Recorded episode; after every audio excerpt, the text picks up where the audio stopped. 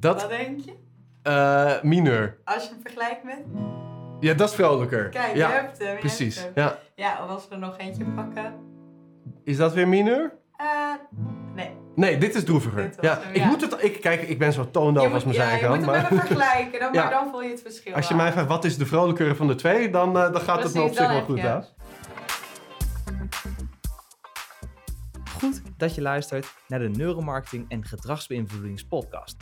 In deze podcast luister je elke week mee met de lunchwebinars van Unravel, waarin Tom van Bommel, Diede Vendrig en ik, Tim Zuidgeest, de laatste evidence-based insights uit de neuromarketing en gedragsbeïnvloeding delen. Vol met praktische insights die jij direct kunt toepassen. Voordat we beginnen met de aflevering, eerst nog even dit. Luister je graag naar deze podcast, maar zou je graag live vragen willen stellen en de key insights willen ontvangen? Schrijf je dan in voor onze webinars via unravelresearch.com. Zo mis je nooit de nieuwste evidence-based insights. Van harte welkom en heel erg leuk dat je kijkt naar dit neuromarketing webinar over muziek in reclame. Ik ben Tom van Bommel van Unravel en ik zit hier samen met Diede Vendrig. Ja. Eh, iemand die heel wat muzikaler is dan ik, eh, kan ik wel zeggen. En we hebben zelfs voor wat eh, auditieve illustraties zo dadelijk onze gitaar meegenomen. Eh, want we gaan er een ontzettend praktisch webinar van maken. Vol met nou ja, tips, do's en don'ts. Over wat nou de rol van muziek in reclame is. Is dat nou effectief? En hoe kun je dat nou zo goed mogelijk inzetten in je reclames? Hè? Dus het onderste uit de kan halen van die muziek. Uh, wanneer ik kijk hier naar de chat, dan zie ik dat het al mooi binnendruppelt met, uh, met deelnemers. Dus hartstikke leuk dat jullie weer allemaal kijken. Gedurende het webinar kunnen jullie ook vragen stellen in de chat en dan zullen we die live behandelen. Dit jaar bestaat Unravel 10 jaar en dat is natuurlijk extra feestelijk. En om die week, reden houden we ook elke week een online webinar. Um, en uh, zullen wij ook een aantal festiviteiten organiseren later dit jaar om dit jubileum te vieren. Dus houd dat vooral in de gaten. En goed om erbij te vermelden is dat Unravel eigenlijk is opgesplitst in drie verschillende organisaties. Unravel Research, waar we neuromarketing onderzoek doen. Unravel Academy, waar we neuromarketing trainingen geven. En Unravel Behavior, waar we advies geven op basis van alle inzichten die we al verkregen hebben. En dat zijn adviezen gericht op marketing en maatschappij. Um, en uh, uh, dit webinar staat eigenlijk in het teken van alle drie, omdat muziek en reclame natuurlijk een behoorlijk breed onderwerp is, waar we zowel onderzoeksmatig als uh, met advies het nodige over te vermelden hebben. Dus dat even als introductie. En nu wil ik eigenlijk al gelijk naar een praktisch voorbeeld gaan. Kijk, we hebben hier een reclamevideo en die ga ik voor jou afspelen. En aan jou de vraag, en ook de vraag aan de kijkers thuis. Merk je hier iets aan? Oh. We komen in Nederland meer dan 300.000 woningen tekort. Als je daardoor geen betaalbare woning kunt vinden, Kijk eens. Met sprinkels. lekker ma, is het ineens normaal om weer bij je moeder in te trekken. Wij hebben een oplossing voor het woningtekort. Maar nog niet iedereen is er klaar voor. Wij zoeken partijen die dat wel zijn. Het is tijd voor een nieuwe manier van bouwen. Fijn wonen, niet normaal. Nou. En klaar. Je, wat viel je op? Uh, ja, een beetje stil hè? een beetje stil. Ja, inderdaad. Deze reclame bevat in uh, deze bewerking overigens die wij uh, zelf hebben uitgevoerd geen muziek. En uiteraard is het origineel we komen in Nederland meer dan 300.000 woningen tekort. En die ga ik niet nog een keer helemaal voor jullie afspelen. Als je... Jullie snappen het punt. Maar de hele vraag hierbij is natuurlijk... wat is nou het effect van het al dan niet gebruiken van muziek in zo'n reclame? En nou, je raadt het al, hè? we hebben vaak natuurlijk dit soort psychologische vraagstukken... en de antwoorden die liggen wat genuanceerder dan een simpel ja... Altijd muziek gebruiken of nee, muziek dat werkt averechts. Het hangt er in heel veel omstandigheden vanaf. Juist dat willen we in dit webinar uh, eigenlijk uh, helemaal gaan exploreren. Onder welke omstandigheden welke muziek nou effectief is in reclames. Maar ook wanneer het misschien uh, slimmer is om geen muziek te gebruiken. Nou, daar gaan we het zo dadelijk over hebben. Maar eerst nog een vraag uh, aan jou, Diede. Hoeveel procent van de reclames bevat eigenlijk muziek? Oeh, ja, ik zou dus echt heel veel zeggen. Maar ja, ik heb natuurlijk een klein beetje gehoord dat dat iets minder is. Ik dacht echt wel 95 procent. Nou, als je het hebt over reclames die een vorm van geluid gebruiken, dan klopt het wel dat we, en ik beeld het hier even uit, dat een minderheid complete achtergrondmuziek gebruikt. Dus waar de commercial compleet gevuld is met muziek die eigenlijk gewoon van A tot Z, hè, de hele volle 30 seconden te horen is. Maar, klopt wel, 87% dus dat je in de buurt heeft een, een vorm van muziek. Of het nou een klein deuntje aan het eind is, of hè, in ieder geval iets, wordt ingespeeld op eh, die auditieve cortex in ons brein. Nou ja, dus muziek is wijd verspreid. En dat eh, eh, beklemtoont natuurlijk de vraag: hoe effectief is dat nou? Wat doet muziek in ons brein? En gedurende dit webinar zullen we een aantal verschillende invalshoeken bekijken naar de effectiviteit van muziek in reclame. Maar als basis, het fundament daarvan, moeten we stilstaan bij wat doet muziek nou, gewoon heel fundamenteel, met onze informatieverwerking, met de wijze waarop we de wereld tot ons nemen. Nou, klinkt heel fundamenteel, maar ik zal het even concreet maken. Muziek in de reclame, dat horen we, dat komt ons brein binnen. En dat heeft effect op een drietal fronten. Enerzijds de aandacht die we hebben voor die reclame. Die kan omhoog gaan, maar die kan ook omlaag gaan. De emotie die we voelen bij de reclame. Nou, dat kennen we natuurlijk allemaal. Je hoort een bepaald nummer en dat activeert een gevoel. En we weten, reclame is natuurlijk grotendeels emotie gedreven.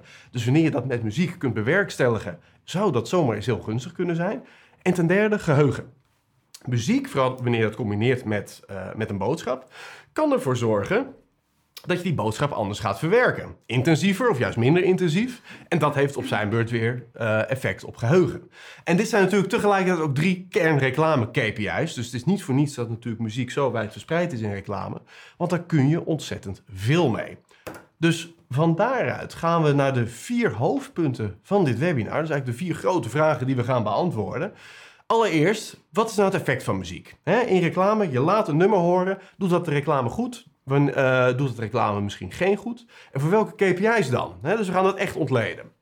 Daarna gaan we inzoomen op een eh, vrij recentelijk onderzoek dat we vanuit Unravel zelf hebben uitgevoerd eh, verleden jaar, eind vorig jaar. Waarbij we verschillende commercials getest hebben. Met één klein verschil per commercial. Er was namelijk een versie met muziek en een versie zonder muziek. En we hebben gekeken wat dat in het brein doet. Op het gebied van aandacht, op het gebied van emotie en verwerking. Dus nou, dat wordt een mooie primeur. En van daaruit gaan we ook echt de creatieve nuance in. Want het ene nummer is natuurlijk de andere niet. En welke muziekfactoren zijn nou van invloed op de effectiviteit van muziek in reclame? Helemaal tenslotte gaan we naar de rol van muziek meer als brandinstrument, als brand asset. Als eh, een manier om je merk eigenlijk beter te laten beklijven in het brein van de klant. Dus een aantal mooie onderwerpen, gaat mooi praktisch maken. En ik wil nogmaals benadrukken, heb je tijdens het webinar nou vragen? Stel ze in de chat en dan zullen we ze live voor jullie gaan behandelen. En voor nu, ja, voor de eerste eh, topic, eh, die geef ik de klikker aan jou. Dank je. Ja, want ehm, ja, laten we allereerst even kijken naar hoe reclame nou mensen beïnvloedt om in actie te komen. Want dat kan namelijk via verschillende routes gebeuren. We hebben allereerst route 1 en dat is eigenlijk de rationele route. En bij deze route is het zo dat je ja, door rationele argumenten wordt overtuigd om in actie te komen. Dus stel jij ziet ehm, een reclame met een goede boodschap die super overtuigend is. En jij denkt echt op basis van die argumenten in die reclame moet ik wel of niet een product of dienst gaan aanschaffen. Nou, dat is de allereerste route. Dan hebben we ook nog de route 2 en dat is de meer onbewuste route. En voor de mensen die al iets langer naar onze webinars kijken, die weten inmiddels dat ja, wij mensen een stuk irrationeler zijn dan dat we zelf denken. En dat is best wel veel via die onbewuste route plaatsvindt. En een voorbeeld hiervan kan zijn, is dat je in een reclame wordt beïnvloed door onbewuste psychologische cues. Dus denk bijvoorbeeld aan de Cialdini-principes, waarbij je in een reclame beïnvloed kan worden door bijvoorbeeld de tandarts die in zijn witte jas de perfecte tandpasta probeert te verkopen.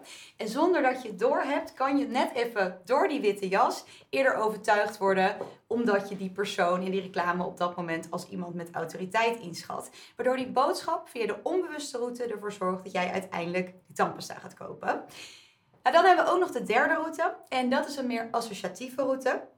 En dit is ook een onbewuste route, maar dit is een route die meer inspeelt op emotie, die op, op lange termijn door een reclame in het brein gevormd kan worden. Een mooi voorbeeld daarbij vind ik altijd Coca-Cola, die natuurlijk ontzettend goed is in dat stukje positieve emotie aan het merk te koppelen. En door die positieve emotie die in een reclame wordt opgewekt, kan je er via die route dus voor zorgen dat mensen, wanneer ze voor het schap staan, net even meer positieve emotie en ook dus aandacht hebben voor bijvoorbeeld Coca-Cola ten opzichte van Pepsi. En via die route kan dus uiteindelijk ook die aankoop plaatsvinden. Nou gaat dit webinar natuurlijk over muziek, dus misschien zullen jullie je afvragen van waarom laten we dit zien? Nou, het is zo dat afhankelijk van de route die ehm, een reclame neemt om iemand te overtuigen om in actie te komen, kan het juist wel of niet goed werken om muziek voor je in te laten zetten. En laten we daar eventjes naar gaan kijken eh, waar dat dan van afhangt. En dat heeft namelijk te maken met het type product of dienst wat je aan de man probeert te brengen. En daarin maken we namelijk onderscheid tussen high-involvement producten en low-involvement producten. En ehm, ja, eigenlijk deze producten, de manier waarop je dat aankoopt, of eigenlijk ook weer de manier hoe je overtuigd wordt om wel of niet zo'n product aan te kopen, dat heeft weer te maken met die manier van verwerking. En daarvoor kijken we eventjes naar de systeemtheorie van Kahneman.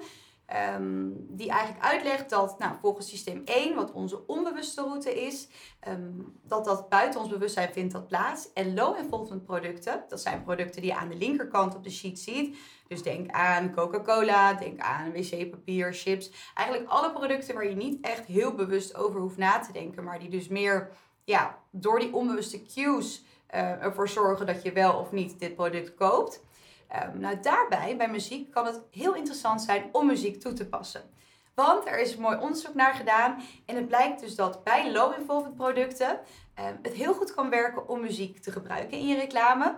Want in dit geval verhoogt muziek echt de impact en het is ook nog eens zo dat die reclame beter blijft hangen. En dan moet ik zeggen, ik dacht eigenlijk dat dat voor high-involvement producten ook het geval zou zijn. Als in, ja, ik ben misschien ook gewoon een te Ik vroeg jou in de aanloop naar dit webinar van uh, die, die de, wanneer werkt muziek? Nou, altijd toch? muziek is hartstikke leuk. ja, misschien ben ik iets uh, te grote fan van muziek. Dat zou het probleem kunnen zijn. Maar blijkbaar, en er is dus ook weer mooi onderzoek naar gedaan, um, is het niet standaard zo. Want namelijk bij high-involvement producten dus producten waar je echt wel eventjes goed over na moet denken. Denk aan een verzekering of een, een dure auto of een, een krantenabonnement. Um, daarbij blijkt het dus zo te zijn dat muziek de impact kan verlagen. En daar moeten we natuurlijk wel eventjes nuanceren of iets beter uitleggen waarom dat dus komt. Nou, het blijkt zo te zijn dat door die muziek toe te voegen aan een van nature goede en sterke boodschap, um, wordt de aandacht afgeleid van die sterke boodschap, waardoor dus de impact van die muziek sorry, de impact van de reclame daardoor lager is uiteindelijk. Dus uh, ja, interessant gegeven. Ja, eigenlijk had je daarin dus wel hartstikke gelijk. Want je zei, muziek is altijd leuk. Ja. En dat is het misschien ook wel. Maar juist daarom werkt het niet in ja. alle omstandigheden goed. En je moet je nou echt afvragen, wat heeft onze reclame? Wat is eigenlijk het kerningrediënt dat onze reclame op smaak brengt? En vaak is dat emotie. Nou, top. Hè? Muziek, yeah. dat is natuurlijk een goede drijver van die emotie. Maar je hebt natuurlijk een minderheid van die, van die reclames. Bijvoorbeeld als je een verzekering gaat verkopen. Mm. Of misschien ook wel een krantenabonnement. Ja, die zijn wat meer boodschapafhankelijk. Een echte expliciete boodschap. En dan lijkt het zo te zijn dat muziek natuurlijk daarvan afleidt. Dus dat het juist omdat het leuk is, de aandacht een beetje opslurpt van waar het in de reclame om zou yeah. moeten gaan. En als je nou terugdenkt aan die uh, commercial helemaal aan het begin, die we lieten zien. Dat was van een woning was, het had iets met makelaardij. Je merkt het nu al. Bedoel, de focus is niet... ja, er zat heel veel emotie in die commercial eigenlijk. Hè? We hadden er enerzijds in die versie met muziek, was er veel muziek. Uh, en tegelijkertijd begon hij met koekjes. En ik weet dat bij de eerste keer dat we keken, ja, ik zei, is, is dit van bolletje of iets dergelijks? Dus je hebt heel veel dingen die juist soort van emotioneel onze aandacht triggeren. Maar daarmee de aandacht afleiden van waar het voor die commercial nou net om gaat. Ja. Dus dat is gevaarlijk. Ja, en dat zien we ook terug in dit onderzoek. Het is een onderzoek geweest in de jaren 80, waarbij ze hebben gekeken van, nou, wat doet nou die muziek met de koopintentie?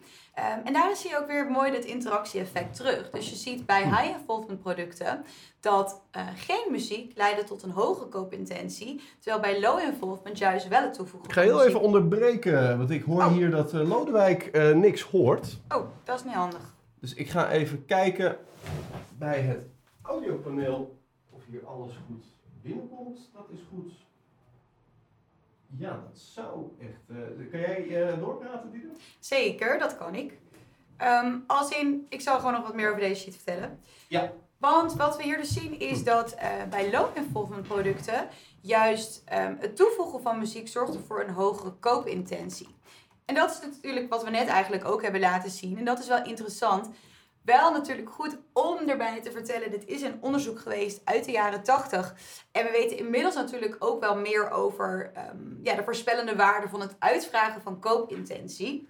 Als in, het is zeker interessant, maar uiteindelijk willen we het natuurlijk ook gaan onderbouwen met neuromethoden. Om even te kijken of dat daar ook absoluut het geval is. Maar daar hebben we mooi onderzoek naar gedaan, ook zelf intern. En daar eh, kan Tom jullie van alles over vertellen. Zeker, ja. Want eh, ja, heel leuk natuurlijk dat we het in eh, een aantal decennia geleden alleen maar konden uitvragen. Maar vandaag de dag hebben we natuurlijk meer methoden tot onze beschikking. Om uit te pluizen wat nou de effectiviteit is of de werking is van, van muziek en reclame. En wij waren heel erg benieuwd naar. Ehm, deze gaan we zo dadelijk nog even van. Wij waren heel erg benieuwd naar wat dat zou doen met aandacht. En ik sla deze even over. Koeker. Yes, over aandacht gesproken. Ehm, er wordt tegenwoordig steeds meer gemultitasked, heet dat, eh, terwijl men uh, tv kijkt of anderszins content verwerkt. En dat komt er simpelweg op neer dat we, terwijl bijvoorbeeld de reclames aan het lopen zijn, we tegelijkertijd op het mobieltje bezig zijn met andere mensen gesprek voeren. En dat reclames dus echt voor de uitdaging staan om door die aandachtsbarrière heen te breken. En het doel van dit onderzoek was om uit te pluizen of muziek daar een rol in zou kunnen spelen. Dus in deze onderzoeksopzet is het zo dat uh, respondenten gewoon reclames gingen kijken. Lekker relaxed op de bank, net zoals ze dat thuis zouden doen met reclames op het grote scherm.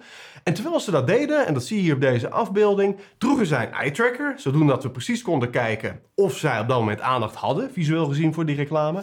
En tevens een EEG, om op die manier ook te kunnen meten wat voor emoties en verwerking er plaatsvond in hun brein. Um, en EEG is daar een hele mooie methode om dat in een realistische context te kunnen doen. Omdat vandaag de, de dag die EEG-apparatuur zo comfortabel en nou, eigenlijk onopgemerkt is, dat je daarmee in een hele realistische setting reclameonderzoek kunt doen. Dus dat hebben we gedaan. En in die onderzoeksopzet hebben we met 40 respondenten een aantal commercials getest. Dat waren 10 commercials in totaal. Maar het waren er eigenlijk 20, want van elke commercial hadden we twee versies. Namelijk eentje met muziek en eentje zonder muziek. En dat hebben we met nou, tamelijk geavanceerde audiosoftware uh, kunnen bereiken. Dat is vandaag de dag in staat om muziek minutieus uit een, uh, uit een video in dit geval te filteren. En daarbij stemgeluid geheel intact te laten. Om daar een voorbeeld van te geven. Dat volgt zo zo dadelijk. Uh, een voorbeeld van te geven hebben we een uh, commercial van Koeker. Dus staat er natuurlijk net al op. En dit is, even kijken, een versie met muziek. Koeker, altijd direct 100 graden kokend, gekoeld en bruisend water. En hier een versie zonder muziek.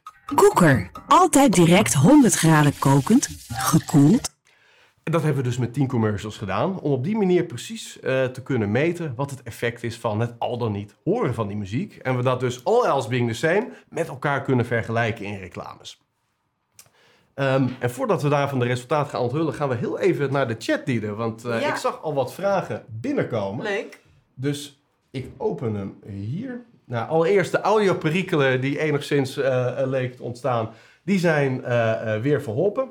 Wel fijn en we hebben over muziek dat de audio het uh, goed doet. Ja, ja, nee, het is een beetje... Kijk, Tim, dat is uh, degene die normaliter ook de techniek hier goed kan overzien, die is uh, op vakantie.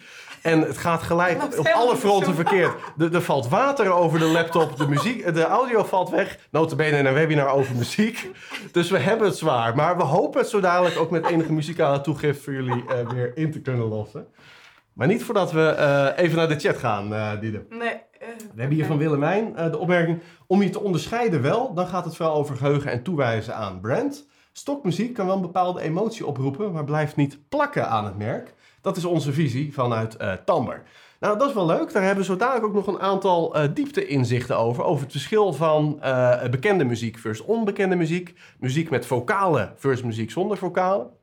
En daar blijken inderdaad wel effecten van uit te gaan. Dus stay tuned daarvoor. Um, Even kijken, de audio die doet het weer. Goeie vraag Jens, is stokmuziek te veel muzak? Ja, dat is natuurlijk altijd een groot verschil. Hè? Bekende nummers, dus die direct uh, ook een bepaald gevoel wellicht op basis van wat we al kennen van dat nummer uh, oproepen. Versus muziek die helemaal custom voor de campagne is ontwikkeld. Nou, daar blijkt inderdaad een verschil van uit te gaan. En dat zullen we vandaag ook behandelen. En Ook hier weer is het genuanceerde antwoord. Het is afhankelijk van welke marketing KPI's je nastreeft. Welke van beide routes het meest efficiënt of eigenlijk het meest jouw doelen dichterbij brengt.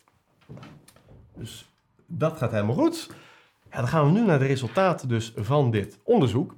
Want we hebben onderzoek gedaan naar de muziek en de muziekloze commercials.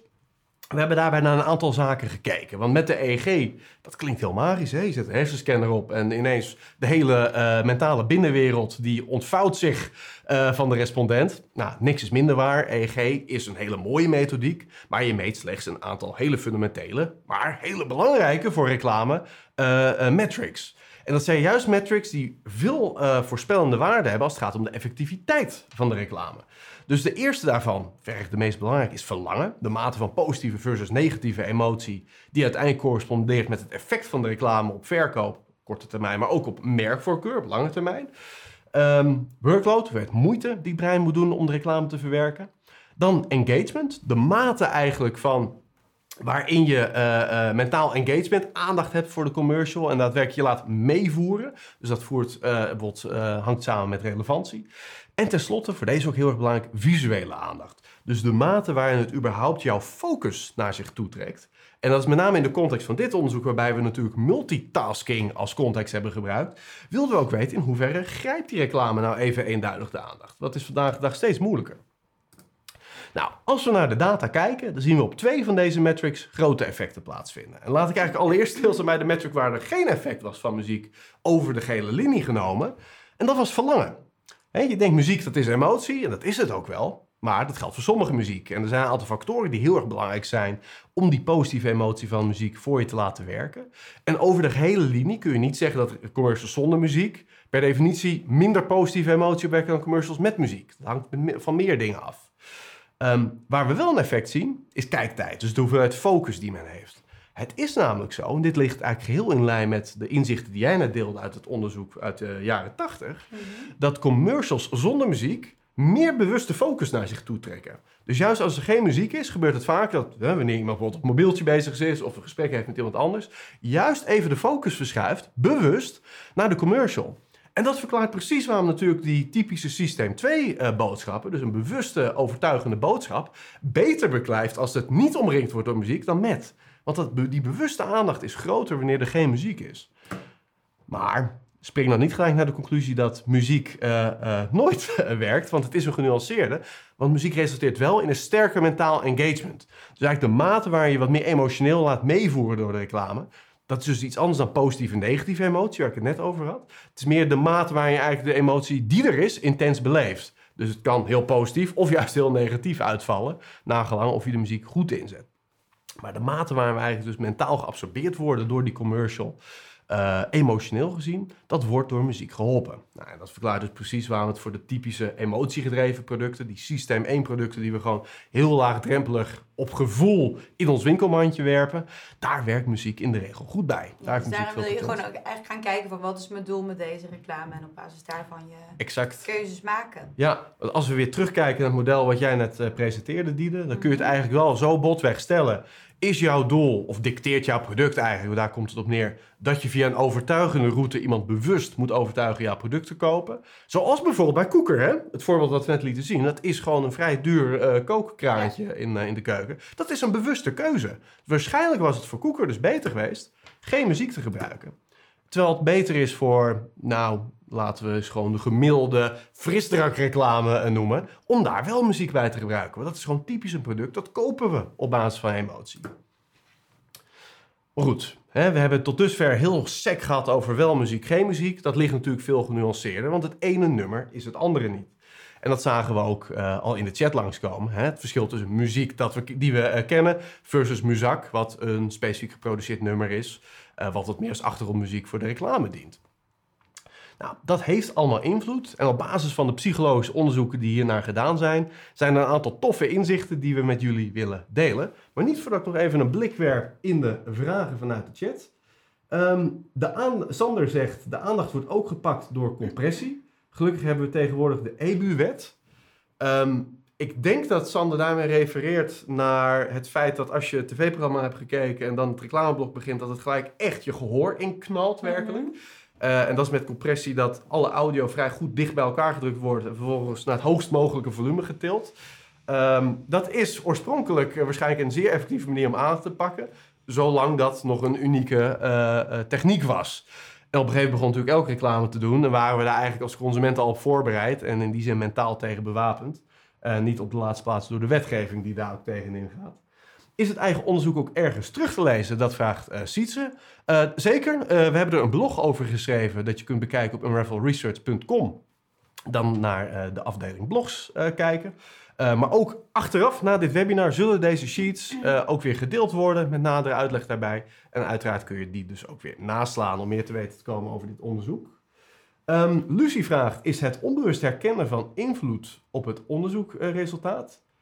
Het onbewust herkennen dat de muziek misschien veranderd is ten opzichte van de baseline reclame? Dat zou kunnen. Of het onbewust herkennen van, hé, hey, ik heb dit nummer eerder gehoord. Dat laatste is zeker eh, van toegevoegde waarde voor de effectiviteit van muziek.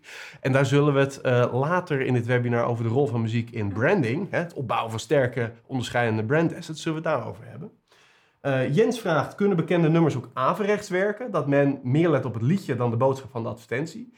Ehm, dat is exact wat inderdaad bij de typische high-involvement producten gebeurt. Muziek leidt eigenlijk onder alle omstandigheden af van de expliciete boodschap. Alleen het is de vraag voor welke commercials dat nou heel erg is. En voor low-involvement producten, hè, frisdrank, eh, eh, chips, eigenlijk alles wat we klakkeloos gewoon in ons winkelmandje gooien, daar is het niet zo erg. Daar is de toegevoegde waarde emotioneel van muziek belangrijker dan dat je misschien iets minder bewust hebt onthouden van de commercial. Plus er is nog een onderscheid tussen eh, wel of geen vocals. En daar komen we zo eh, Ja. nog eventjes op terug. De vocalen komen zeker terug. Oké. Nou, het juiste nummer. Dus wat kun je nou doen om het ultieme liedje eigenlijk te selecteren voor wat je met je commercial wil bereiken? En als we kijken naar alle factoren die daarbij van invloed zijn op het al dan niet slagen van, eh, van muziek in reclame, dan is verreweg de meest belangrijke de fit. En fit, hè, dat klinkt natuurlijk heel logisch. Het moet passen bij de reclame. Maar hoe kunnen we dat nou concreet maken? Nou, er zijn psychologische onderzoekers geweest. Die hebben onderzoek gedaan naar op welke fronten moeten we nou fit zijn. En dat zijn in totaal drie. Allereerst moet er fit zijn met het product. En daarbij moet je voorstellen, wat is eigenlijk de rol die dat product speelt in het leven van degene die dat product koopt. En dat is bijvoorbeeld bij Coca-Cola, ja, blijdschap in een flesje, daar komt het op neer. Dus om die reden moet Coca-Cola logischerwijs typische upbeat muziek hebben. En voor Coca-Cola is dit makkelijk, maar wat is nou precies de rol die bijvoorbeeld een kleurentelevisie in het, rol, eh, in het leven van de gebruiker speelt? En dat is misschien een hele andere. En daar gaan we zo dadelijk een voorbeeld van zien, dus we haken daar nog op in. Maar wanneer je een eh, televisie koopt, en ik zei kleurentelevisie, dat komt dat we zo dadelijk Sony... het klinkt echt als een woord dat sinds de jaren 80 niet meer gebruikt Ja, is. gaan we lekker terug Ja. in de tijd. Maar ik was daar ineens eens gebruikt. We gaan zo een reclame zien van Sony Bravia met eh, destijds de innovatie, namelijk 100 miljoen verschillende kleuren. Dus op die manier kleurentelevisie. De reden dat je dat misschien wel koopt, is omdat je natuurlijk televisie kijkt om te ontspannen, te relaxen. Waar misschien die typische upbeat muziek juist helemaal niet de juiste snaarslag eh, eh, raakt in combinatie met het product. Dus daarbij moet je heel erg stilstaan. We gaan zo dadelijk meer inzoomen op de typische emoties en dat gekoppeld aan de verschillende muziekstijlen. Tweede is doelgroep. Dat er simpelweg een match is met eh, de luisteraar van de muziek. Dat ze dat een leuk nummer vinden. Nou, dat hangt ongeveer samen met welke genres ze natuurlijk überhaupt appreciëren. Maar daarbij is ook een rol weggelegd voor de muziek die we in onze jeugd veel gehoord hebben. En daar gaan we zo dadelijk eh, nog een leuke techniek van, eh, van zien. En tenslotte bij de verhaallijn. Nou, dat is natuurlijk creatief gezien heel erg belangrijk. Dat de muziek, in de wijze waarop dat meeveert en aanzwelt en zachter wordt... dat dat werkelijk ten dienste staat van de verhaallijn die in de commercial verteld wordt. Dat zijn de drie belangrijke vormen van fit. En eh, de onderzoekers hebben hierbij ook gemeten, onder een groot aantal commercials, honderden commercials, in hoeverre er sprake was van die fit. En het is slechts bij 15,3 eh, van alle commercials zo dat er een soort van triple fit is. Dat aan alle drie van deze criteria voldaan wordt. Dus dat is nog best wel een uitdaging om dat eh, helemaal goed te krijgen. Zeker, ja. En met name bij het product. Ik bedoel, bij de doelgroep die match vinden, dat lukt wel. Bij de Ja. verhaallijn, dat lukt wel. Dat, dat kunnen reclamemakers heel erg goed. Maar de juiste muziek bij het juiste product, dat is de uitdaging. En daar gaan we zo dadelijk ook wat praktische handvatten bij bieden. Eh, wat ik er nog even bij wil aanstippen, en dat is een vraag die we bij deze sheet heel vaak gesteld krijgen, is: oké, maar is incongruentie soms niet lekker? Hè? Grijpt incongruentie niet de aandacht? En ook dat is onderzocht. neuraal. Dus hierbij is ook een neuroonderzoek gedaan bij congruente versus incongruente muziek. En ze hebben daarbij gekeken naar enerzijds weer dat verlangen, hè, de metric die we juist ook noemden van EEG, en de andere aandacht. En wat bleek nou? Uh, op verlangen is incongruentie negatief. We vinden dat simpelweg niet prettig, het past niet. Maar het heeft wel een kleine bonus op aandacht. En daarin lijkt het heel erg op wat dezelfde effectiviteit is van irritatie in reclame. En als je een beetje irritant bent in de reclame, hè, de typische schoonmaakmiddelen reclame, die zet dat bijna een soort van doelbewust in. Ja, je grijpt er wel aandacht mee. Want negatieve dingen vallen meer op dan positieve dingen. Maar of het uiteindelijk down the road daadwerkelijk verzilverd raakt tot een geliefder merk en meer verkoop, dat is maar voor een heel klein aantal producten weggelegd, namelijk de typisch functionele producten, waarbij emotie totaal geen rol speelt. Oftewel de schoonmaakmiddelen. Dus daarbij zou incongruentie kunnen werken. In bijna alle gevallen zou ik zeggen, streef naar die grote mate van fit. Nou, en hierbij een cheat sheet. En dit is wel het moment dat je je telefoon er misschien even bij wil pakken om dit te fotograferen. Maar dit is wel ontzettend belangrijk. Een baanbrekend onderzoek is dit geweest. En hierbij zijn een groot aantal uh, typische muziekvariabelen gekoppeld aan verschillende emoties. En daar hadden we het net al over. Hè? Als Coca-Cola wil je typisch excitement natuurlijk uitstralen. En daar hoort, qua tempo, toonsoort en zelfs volume, horen een aantal variabelen bij die gekoppeld zijn, geassocieerd zijn aan de beleving van excitement. En ja, veel van die dingen, jij kent ze waarschijnlijk beter dan ik. Ik ben niet heel muzikaal aangelegd. Maar om eventjes duidelijk te maken wat dat is, bijvoorbeeld toonsoort, verschil tussen majeur en uh, mineur. En daar hebben we de gitaar voor meegenomen. Voor, dus dit is je moment to shine. Dat... Nou, dat, dat ga ik doen hoor. Het, ik, we hadden het er. Past het niet met. Oh, dan moet je de stoel even optillen, denk ik. En ja. Vervolgens doorgaan. Want kijk, eh, een factor volume, dat snappen we allemaal wel. Je hebt luid en je hebt zacht. Maar majeur en mineur, wat is dat exact? Nou, in principe is het eigenlijk, als je, je ziet het ook wel aan emoties. Als in majeur mhm. is meer, klinkt vrolijker en mineur klinkt minder vrolijk. En dat uh, konden we mooi laten horen. Net toen ik hem aan jou liet horen, vond je hem soms nog lastig te onderscheiden. Maar dat kwam vooral omdat ik je veel te blij aankeek terwijl ik een mineur Precies, ja, over de invloed van visuele informatie met uh, audio. Ja. Maar kijk, je hoort het bijvoorbeeld wel als in... Dat, Wat denk je? Uh, mineur. Als je hem vergelijkt met... Ja, dat is vrolijker. Kijk, ja, je hebt hem. Je precies. Hebt hem. Ja. ja, of als we er nog eentje pakken.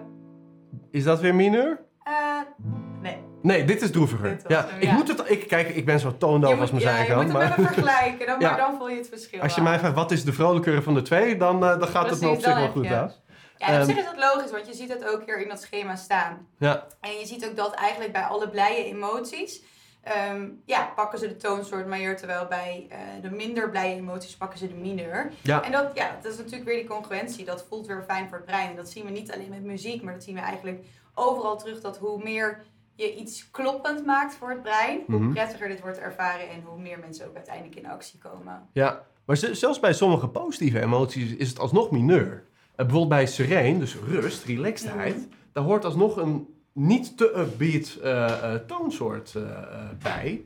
en dat vond ik er interessant aan. Ja. Dat mineur niet per se betekent droevig. Want dan zou je als reclamemaker zeggen, ja, dat wil je nooit. Maar je hebt, en daar gaan we zo dadelijk een voorbeeld van zien, la, horen eigenlijk, dat je dus voor een associatie met relaxedheid dus ook in die mineur wil zitten. Ja, maar nu heb je het wel meer over, um, hoe heet het? Over het tempo ook toch, als in wat trager.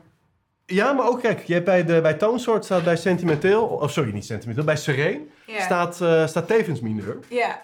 Waarbij je dus inderdaad ook die, in die mineur toonladder eigenlijk zou willen zitten. Mm. En zonder dat het natuurlijk in droevigheid vervalt. Maar daar gaan we zo dadelijk een voorbeeld van horen. Uh, welke ik ook interessant vond was, was de harmonie. En ik weet niet of je daar een voorbeeld van hebt. Kijk, de andere zijn eigenlijk wel duidelijk.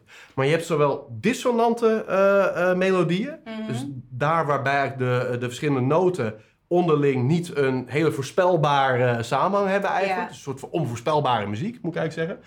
En je hebt consonant. Dus waarbij eigenlijk de ene noot heel logisch voortvloeit in, in de volgende. Ja. En ook dat heeft een, uh, een sterke uitwerking op welke emotie men vervolgens bij de muziek ervaart. En soms wil je dus doelbewust, en dat vond ik een hele leuke hier, kon uh, dissonant zijn als je namelijk grootsheid wilt uitstralen.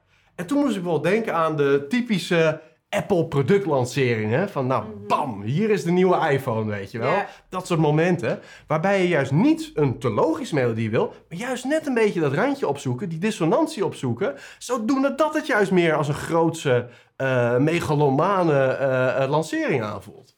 ja, dat mensen waarschijnlijk ook niet verwachten op onbewust niveau. En dan Ja. klinkt dat nog net even, zorgt dat voor net iets meer aandacht. Precies, dus er zitten best wel wat verrassingen verstopt in deze, eh, in deze tabel. Sommige dingen zijn natuurlijk heel erg logisch. We weten dat je voor typische, simpele, eh, vrolijke producten ook vrolijke muziek doet. En hoe dat klinkt, dat weten we allemaal. Maar juist in die nuances tussen wanneer wil je groot zijn en wanneer wil je misschien juist grappig zijn, daar zijn er een aantal muziekvariabelen die je eigenlijk naar je hand wilt zetten.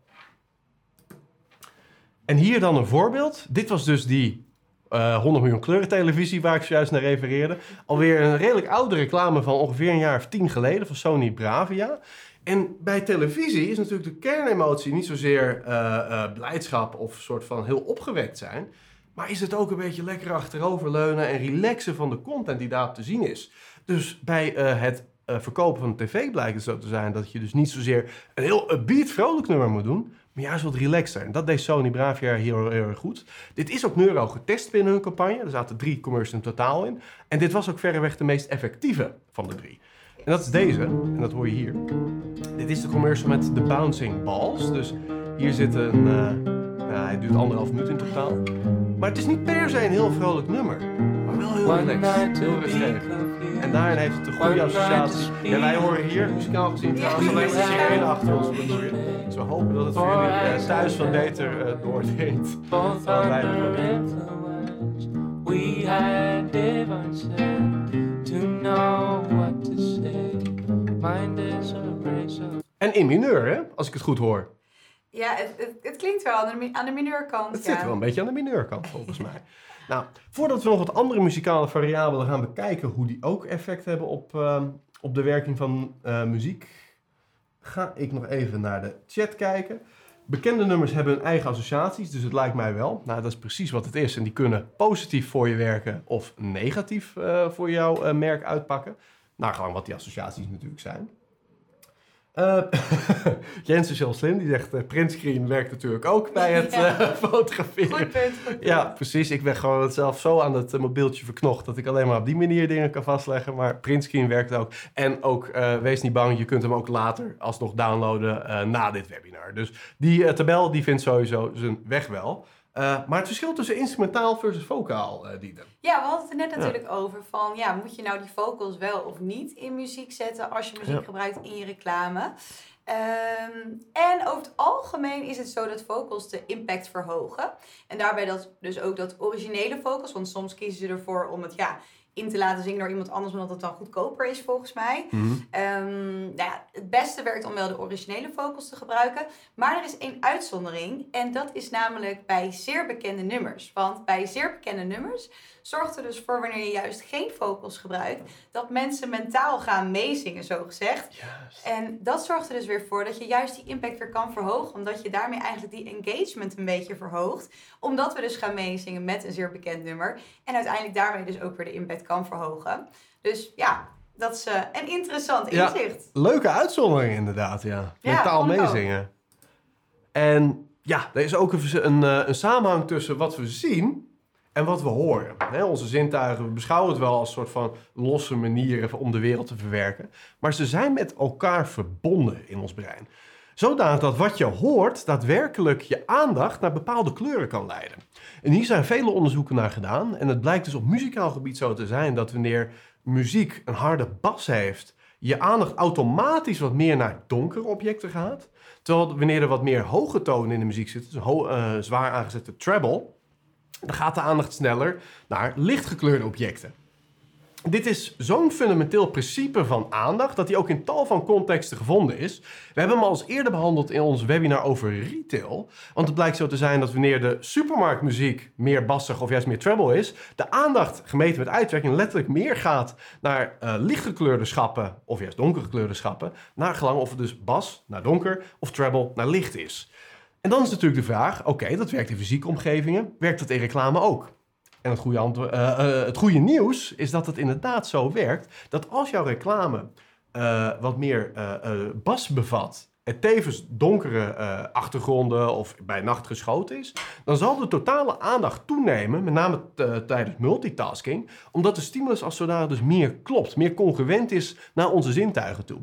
Terwijl eh, bij een commercial die meer lichte kleuren bevat, het dus goed is om juist wat meer hoge tonen te laten horen. En dat kun je enerzijds van nummer tot nummer laten wisselen. Het ene nummer is wat bassiger en het andere nummer is wat treble-rijker. Maar je kunt het natuurlijk ook zelfs nog in de eindmix... kun je dat een beetje naar je hand zetten. En om daar een gevoel bij te geven heb ik eenzelfde melodie drie keer eh, eh, enigszins verbouwd. Of Althans, we hebben de basismelodie en die heb ik twee keer aangepast. Namelijk de basis, die klinkt als...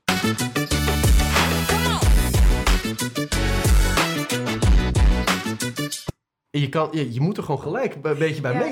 Ik, heb- ik heb de juiste melodie heb ik, eh, heb ik uitgepikt. Dat was de basis, zoals hij gewoon klonk. Wanneer de bas wat meer aanzet, klinkt hij zo.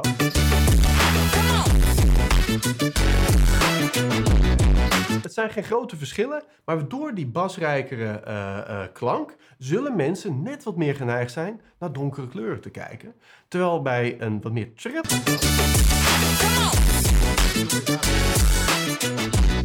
Waar de hoge frequenties dus zijn aangezet, daar zullen mensen meer geneigd zijn naar dat witte vlak te kijken. Dus dit kun je goed naar je hand zetten om de aandacht eigenlijk ja, een beetje synergistisch voor je te laten werken. 1 plus 1 is 3. Ehm, ja, dan zo duikt de kracht van nostalgie. Maar ik duik nog heel veel de chat in, want eh, het is echt een hele leuke interactieve sessie eh, eh, vandaag. Er zit veel in. Melchior, die zegt, is wetenschappelijk onderzocht... Of hij ja, het is wetenschappelijk onderzocht. En het opvallende is dat men achteraf wel de muziek kon herinneren. En ook iets met een nieuwe televisie. Maar men het merk vergeten was. De pelsmaker. Ja, dat, eh, dat is interessant. Eh, je hebt natuurlijk onderzoeken waarbij je bewuste merkbekendheid achteraf kan uitvragen. Waarbij men zegt, ja, ik weet het merk niet meer zo goed. En in die situatie kan er alsnog onbewust in het merk wel nog eh, positieve associaties eigenlijk gevormd zijn in de commercial. Ja, Omdat- maar het bevestigt wel heel erg wat we ook zien. Ja. Dat dus muziek eigenlijk afleidt van een boodschap. En hoe leuk het dan ook kan aanvoelen of hoe fijn het dan ook is. Dat het dus als je je boodschap echt over wil brengen, Ja. dat het dus inderdaad kan afleiden. En dat bevestigt dit wel weer. Klopt. En misschien was het dus beter geweest voor Sony Bravia om überhaupt geen muziek te doen. Dus dat is absoluut een belangrijke conclusie. Want de tv is misschien in die zin ook best wel een high-involvement eh, keuze. Ja.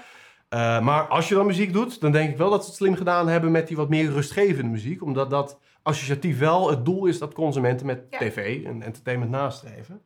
Eh Sietse, eh, die vraagt, speelt de Bravia commercial misschien in op de melancholie van een zorgeloze kindertijd in plaats van een ontspannen tv-ervaring? Ehm, nou, dat vind ik best wel leuk Freudiaans geanalyseerd. ik kan daar niks tegen inbrengen. Want natuurlijk de bouncing balls, dat is natuurlijk wel iets wat natuurlijk een, een, een cue is, een element is dat aan onze kindertijd refereert. Dus daar zou best wel wat in kunnen zitten. En ook in die zin, het zorgeloos, dat is natuurlijk ook tv of entertainment in bredere zin. eh, heeft een sterke eh, eh, functie escapisme in zich zitten. Hè? Even lekker gewoon de bol de bol en een serie kijken. En jezelf in die werkelijkheid van die serie bevinden ten tijde van dat. En dat is natuurlijk ook wat die reclame dan bijvoorbeeld met kindertijd eveneens nastreeft. Dus ik vind het een scherpe analyse. Ehm, ja, nou, de kracht van nostalgie. Een hele mooie voorzet van Siets ook. Ja, terugdenken aan onze kindertijd. Want dat kun je dus muzikaal nog wat meer opzwepen. Hè? Oh, ik dacht dat jij dit ging vertellen. Dat, Ik mij eh, heel, heel graag gedaan. o- omdat ik de oudste ben van ons twee. denk Dat- ja, nou, ik denk dat we deze ook allebei goed, eh, goed kunnen doen. Wat, wel- welk nummer definieert jouw tienerjaar het meest? Oeh. Laat ik hem even gewoon interactief maken tussen ons twee. dan. Welk nummer? Eén Ja. specifiek nummer? Oh, dat vind Ja, mag moeilijk meer zijn. Mag zelfs een genre zijn. Ik zeg, ehm, ehm, hoe heet dat ook alweer? Ik was van de week op een bruiloft, daar werd het ineens weer gedraaid. Jump, jump style. Weet je wat? Ja, dat zou ik even voordoen. Ik ga het zeker niet voordoen. Jumpstyle was een eh, gelukkig short-lived, eh, kort bestaand eh, genre... waarbij een soort van eh, typische techno-hardcore-achtige klanken... met een gekke springdans gecombineerd werd. En het heeft ongeveer een jaar stand gehouden. En ik was op een bruiloft en ineens zag ik dat. Destijds moest ik er niks van hebben. Maar terwijl ik het op die bruiloft zag... werd ik er stiekem wel een klein beetje nostalgisch van. En het principe waar, eh, wat we hier op de sheet zien, dat er verklaart ook precies waarom dat zo is. Omdat muziek uit onze tienerjaren, dus eigenlijk een beetje de middelbare schooltijd, bij de meeste mensen verreweg de sterkste nostalgische waarde heeft. En nostalgie, dat blijkt een hele sterke eh, emotie te zijn, überhaupt. En er zijn vele eh, manieren om in reclames die nostalgie eigenlijk een zetje te geven. Dat kan gewoon bijvoorbeeld met oude beelden zijn, of misschien, hè, zoals Mel, Melchior net ook zei, in die reclame van Sony Bravia. Ehm, eh, eh, eh, ballen. Hè? Dus Mhm. typisch de, de, spelen met, met ballen uit onze kindertijd. Eveneens natuurlijk een nostalgische snaar. Maar als er iets nostalgisch is en eigenlijk met een grote mate van zekerheid nostalgisch is, is het wel muziek. Ja. Omdat dat iets is wat cultureel door de hele grote groep natuurlijk gedeeld is. Weet je hem al? Wat, welk nummer? Nee, Ja. ja, ik, ik ben, ik ben gestopt met nadenken. nee, waarschijnlijk heel veel. Daar kom ik er nu natuurlijk net niet op. Maar Dat, eh, dat is wat muziek doet. Het, Ja, eh, stoppen en nadenken. En daarom werkt het soms goed en soms ook niet. Eh, maar voor reclamemakers is het dus heel erg effectief, zo blijkt, om te tappen uit de tienerjaren van de doelgroep. Dus enerzijds wil je natuurlijk weten, ja, hè, we hadden het net over de drie fit-factoren en één daarvan was doelgroep. Welke muziek vindt de doelgroep leuk? Maar wanneer jouw doelgroep dus zich in een bepaald leeftijdssegment bevindt, kun je op basis daarvan ook terugrekenen welke muziek, zowel in stijlen als misschien artiesten, in hun tienerjaren, in hun middelbare schooltijd eh, populair waren. En daar dus met die nostalgische eh, zweem op inspelen. Vond ik een hele leuke. Nou, en dan hebben we tenslotte nog ehm, de laatste functie van muziek. En dat is een hele andere. Die is niet zozeer emotie gedreven, maar branding gedreven. Ervoor zorgen dat het merk beter beklijft in het hoofd van de doelgroep. En zodoende dus vaker gekozen en gekocht wordt. Nou, en daarbij hebben we het dus over de rol van muziek en geluid in brede zin als brand asset. We hebben daar een paar weken geleden een eh, webinar over gehouden. En daarbij ging het specifiek over alle brand assets van McDonald's. En de rol van brand assets valt het beste te verklaren met deze afbeelding. Want iedereen, of nagenoeg iedereen, zou op basis van deze foto's zien dat het hier om McDonald's gaat. Zonder dat ergens expliciet de naam McDonald's voorkomt. En dat heeft alles te maken met dat de brand assets, dus de onderscheidende kenmerken van het merk, visueel, maar dus ook audio gedreven, zo sterk zijn dat ze gewoon die eigenlijk in de reclamecampagne ten tonele kunnen laten verschijnen en we weten om welk merk het gaat. Nou, en waarom is dat nou zo belangrijk? Dat heeft te maken met mental availability. En veel mensen hebben waarschijnlijk die term al eens gehoord. Dat is gepopulariseerd de laatste jaren door Byron Sharp met zijn boek How Brands Grow.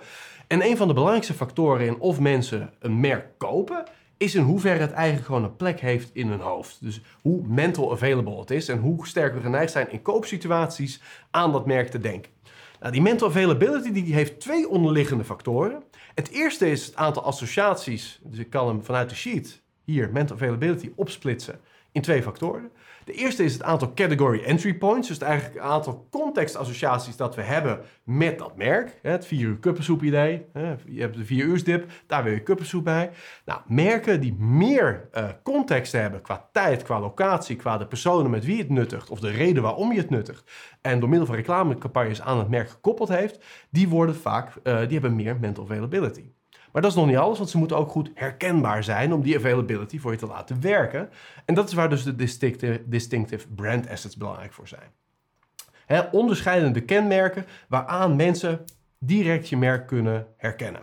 En het leuke is, muziek wordt daarin door de auteur van, eh, van het boek, dat helemaal gaat over de eh, distinctive brand assets, Building Distinctive Brand Assets heet het boek, wordt eh, muziek genoemd eh, the most overlooked class of all brand assets. Dus eigenlijk de minst benutte brand asset die je juist heel goed voor je kunt laten werken, omdat ze niet zo heel vaak eh, worden ingezet. En daarbij is het juist wel belangrijk om een brand asset te bouwen. En dat kan muziek zijn, maar het kan bijvoorbeeld ook een jingle zijn. Die nog geen enkele associatie kent. Die dus niet refereert naar een bekend nummer of een bekende artiest. Want dan is eigenlijk de mental availability die daar naartoe eh, eh, gaat. En dus ook niet aan andere merken doet denken.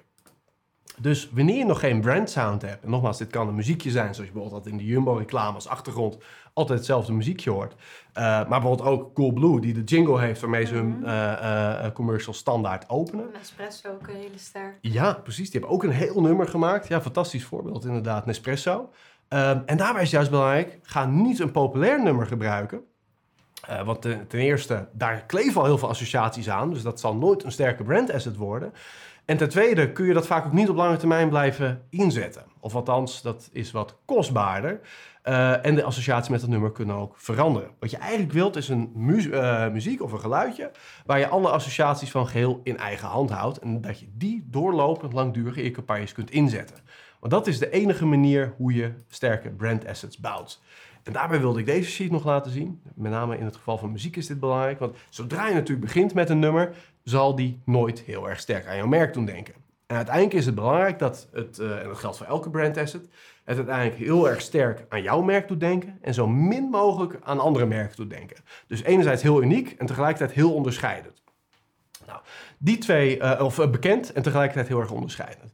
En als je dat plot op een as, dan heeft het dus dit eh, eh, grid eh, tot gevolg, waarbij je dus de uniekheid horizontaal ziet en de bekendheid verticaal. En wat je wil is dat je assets zoveel mogelijk in het kwadrant rechtsbovenin eh belanden. Nou, wanneer je een nieuwe asset introduceert, begin je vaak linksonder. Althans, dat is het meest logisch. Maar het is soms zo dat juist met name met muziek... het zomaar eens onbedoeld al aan concurrerende merken kunt denken. Dus omdat het bijvoorbeeld raakvlak heeft met een muziekje... dat al in andere campagnes wordt gebruikt. En dat is het laatste wat je wil... omdat je op die manier eigenlijk een beetje reclame begint te maken... onbewust voor die merken. Dat kunnen concurrenten zijn, dat kunnen merken zijn in een andere categorie... Dat is een no-go. Dus als je een brandsound maakt, test hem altijd eerst vooraf met een brand asset test. Om op die manier te weten te komen, hoe ligt deze nu in de markt? Is het eigenlijk een braakliggend geluid? En zo ja, dan kan je hem introduceren. En dan is het heel belangrijk om hem ook langdurig in al je communicatievormen terug te laten komen. Zodoende dat hij uiteindelijk in het kwadrant rechtsbovenin eh, naar de top klimt. Dus nog even terug naar wat eh, vragen. Want dat was het voor de eh, brand assets. Eh Melchior zegt supertip. Tappen uit de tiende jaren van de doelgroep. Altijd eh, inderdaad goed, eh, goed meegenomen. Terugrekenen wat in een middelbare schooltijd een belangrijke rol speelde. Briljant. Nou ja, hij is niet door ons bedacht hoor. Het is onderzoek echt door eh, hele goede consumentenpsychologen uitgevoerd. En wij vinden het gewoon onwijs leuk om dat bij te houden en in onze adviezen terug te laten keren. Maar ik denk dat er veel toepassing in zit. Eh, Jens zegt, toch zie je wel vaak in filmtrailers dat vooral in blockbusters er vrijwel altijd bekende nummers gebruikt worden. Is dat dan misschien een uitzondering?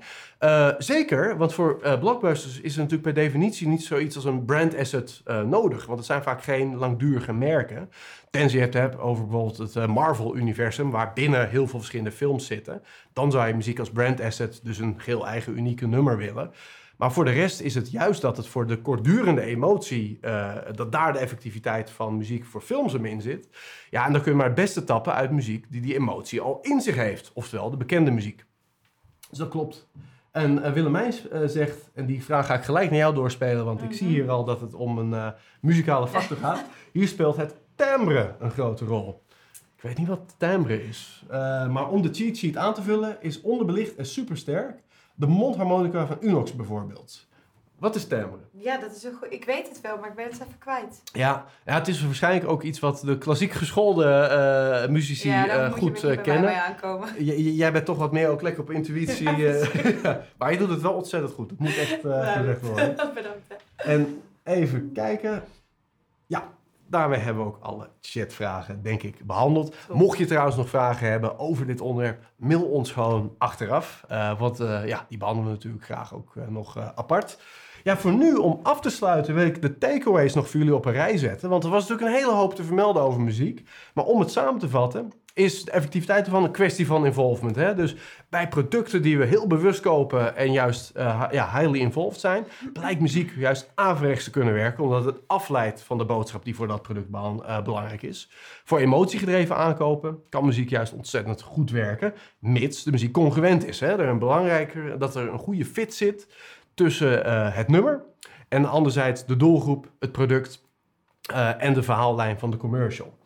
En dat weet je nooit 100% zeker. Je kunt het intuïtief natuurlijk een beetje goed doen. Maar het is altijd goed om je muziek te pre-testen. Bijvoorbeeld met zo'n neurotest om te kijken... raakt het inderdaad de juiste snaar? Zien we het verlangen gemiddeld hoog zijn in de commercial? Je kunt dat zelfs in een AB-testformat doen. Dat doen we ook best wel vaak met een Revel. Waarbij we dus twee versies van de commercial die precies hetzelfde zijn... maar gewoon met een ander achtergrondmuziekje testen... om te kijken welke het meest effectief is... om het brein eh, nou ja, te activeren en eh, aan te zetten tot kopen.